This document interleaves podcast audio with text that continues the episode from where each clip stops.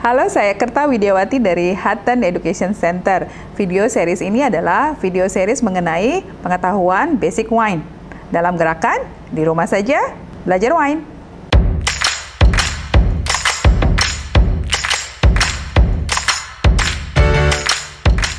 Video kali ini kita akan belajar apa itu isi dari wine. Oke, akan menjadi sangat menarik kemampuan untuk mengekspresikan apa sih rasanya wine, terutama ketika ada seseorang yang bertanya kepada kita, bagaimanakah rasa wine-nya? Hmm, jawabnya apa ya?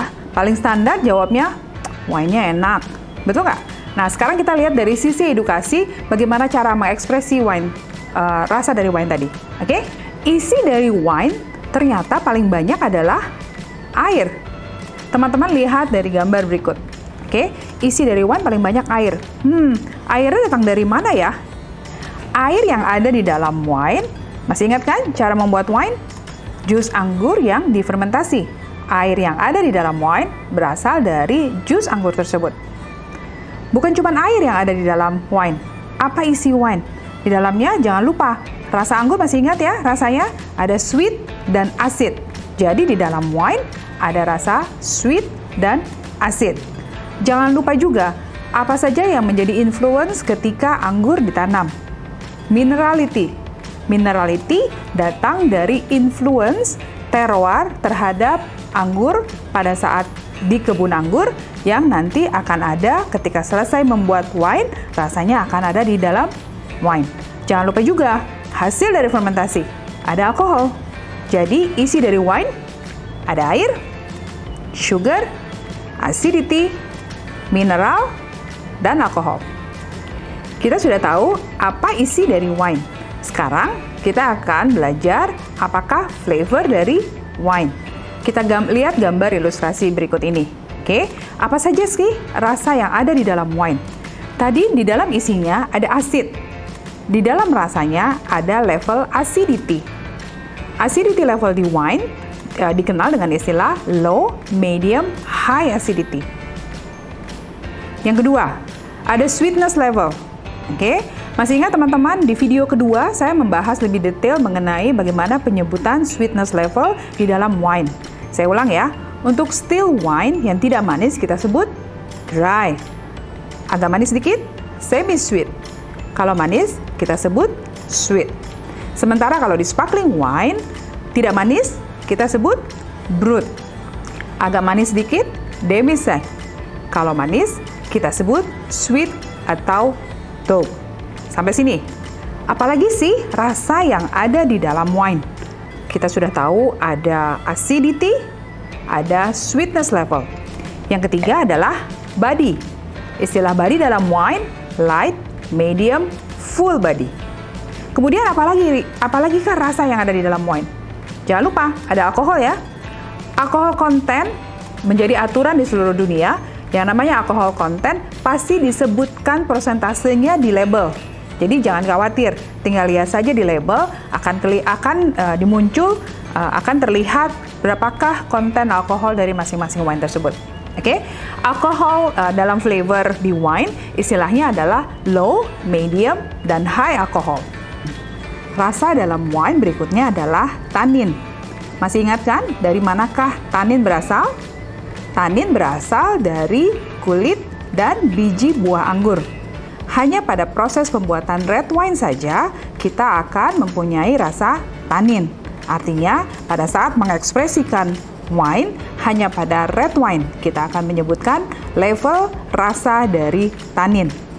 Istilah rasa uh, atau flavor tanin di dalam wine penyebutannya adalah light, medium, full in tannin. Ada lagi kah uh, istilah dalam flavor atau rasa dari wine? Istilah berikutnya uh, disebut finish level. Finish level adalah bagaimanakah atau seberapa lamakah rasa itu akan kita rasakan di mulut kita pada saat kita melakukan testing. Biasanya semakin kompleks wine-nya, semakin long finish-nya. Istilah dalam uh, finish level adalah short, medium, long finish. Yang juga sangat penting teman-teman, menjadi highlight dari setiap jenis wine setiap wine yang kita akan minum adalah flavor fruit karakteristik. bisa fruit, ada juga non-fruit karakteristik. Nah, fruit karakteristik atau non-fruit karakteristik, datangnya dari mana ya? Datangnya dari masing-masing karakteristik dari jenis anggur yang digunakan pada pembuatan wine tersebut. Selain fruit karakteristik, berdasarkan anggurnya, bisa juga dari bagaimana caranya wine itu dibuat. Influence yang akan mempengaruhi wine berdasarkan kegiatan apa atau langkah-langkah apa yang dilakukan pada saat membuat wine akan sangat berpengaruh terhadap rasa dari wine. Penggunaan stainless steel atau oak barrel akan menciptakan uh, rasa yang berbeda terhadap wine. Jangan lupa, aging point of view. Aging adalah cara menyimpan wine dalam kurun waktu tertentu dengan tujuan untuk menaikkan kompleksitas rasanya. Long aging, short aging akan sangat berbeda rasanya terhadap wine. Oke, kita sudah belajar apa isi dari wine. Kita juga sudah mengetahui apakah rasa yang kita ekspektasikan atau kita harapkan datang dari wine. Sekarang kita coba mencicipi wine ya. Saya akan mencoba mengekspresikan bagaimanakah rasa dari wine yang ada di dalam gelas di depan saya ini. Oke?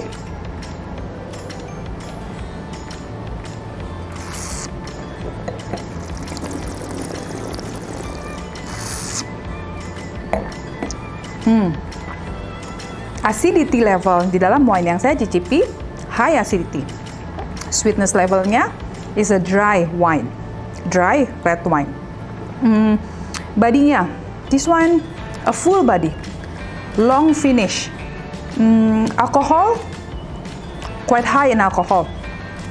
Uh, fruit karakteristik, uh, ini ada black currant, uh, blueberry, uh, cherry, dark cherry, hmm, a little bit spice ada di dalamnya. So bukan hanya buah, ada juga spice di dalamnya, terutama uh, pepper karakter on this one. Hmm, apa lagi ya? Uh, finishnya long in finish, uh, full body wine, uh, very complex wine. Cheers. Oke, okay, dengan pengetahuan mengenai apa isi dari wine, dan apakah istilah yang biasanya disebutkan dalam flavor atau rasa dari wine kita bisa mengekspresikan pada saat kita melakukan wine tasting akan jauh lebih baik dengan menggunakan istilah-istilah yang ada di dalam wine. Tetap semangat ya. Di rumah saja belajar wine. Jangan lupa like, share, dan subscribe video series ini untuk memastikan bahwa kalian semua akan mendapatkan series edukasi tentang belajar wine di rumah aja.